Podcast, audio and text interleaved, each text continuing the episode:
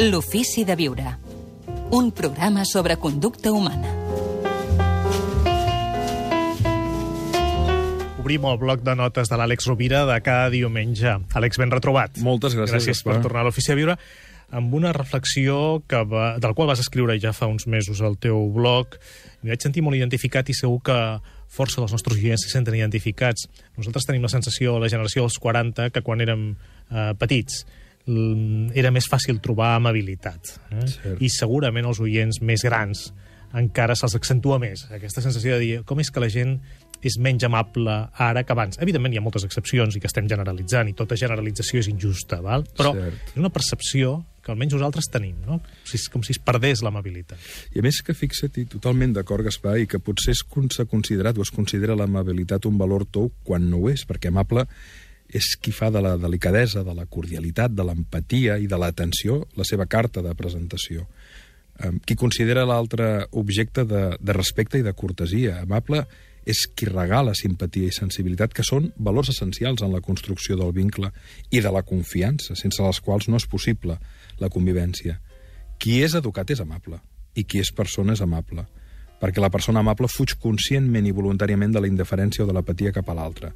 Certament, um, Hi ha una La- amabilitat impostada, també hi és, Exacte, però estem parlant de l'amabilitat sincera, natural, mm. d'aquella que manifesta la bona gent, um, respectuosa, afectuosa, que de fet no deixa de ser quelcom que neix de la voluntat de- d'apreciar l'altre, de reconèixer l'altre, i, i, i per tant contribueix també una mirada amable, un gest amable, una atenció amable, pot construir uh, un cert sentit del per què viure. No?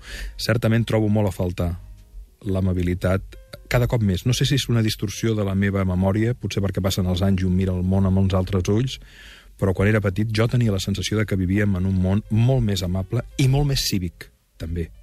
Però potser m'estic fent gran. Per això fins i tot agraeixo i em commou quan veig gestos d'amabilitat espontània, sincera i gratuïta, perquè en ells reconec la grandesa que neix en la humilitat. Els pobles, eh, encara. Ho estàvem sort. parlant a micròfon tancat, eh? Tu i jo que hem viscut, i jo de fet visc en un, en un bonic poble, Aigua Freda, 2.000 habitants, el bon dia, bona tarda, passió bé, que sobretot eh, trobes amb, amb la gent que ja té una certa maduresa, són molt d'agrair, i crec que li donen eh, una qualitat diferent al viure que no aquest desassossec, aquesta pressa, aquesta indiferència, i fins i tot aquesta vegades brusquedat que ens trobem en l'estrès de les grans ciutats. Um, que poc costa ser amable i quan canviaria el món amb unes majors dosis d'aquest bàlsam tan agradable. Gràcies, Àlex, per la teva amabilitat. Fins Gràcies diumenge, una abraçada.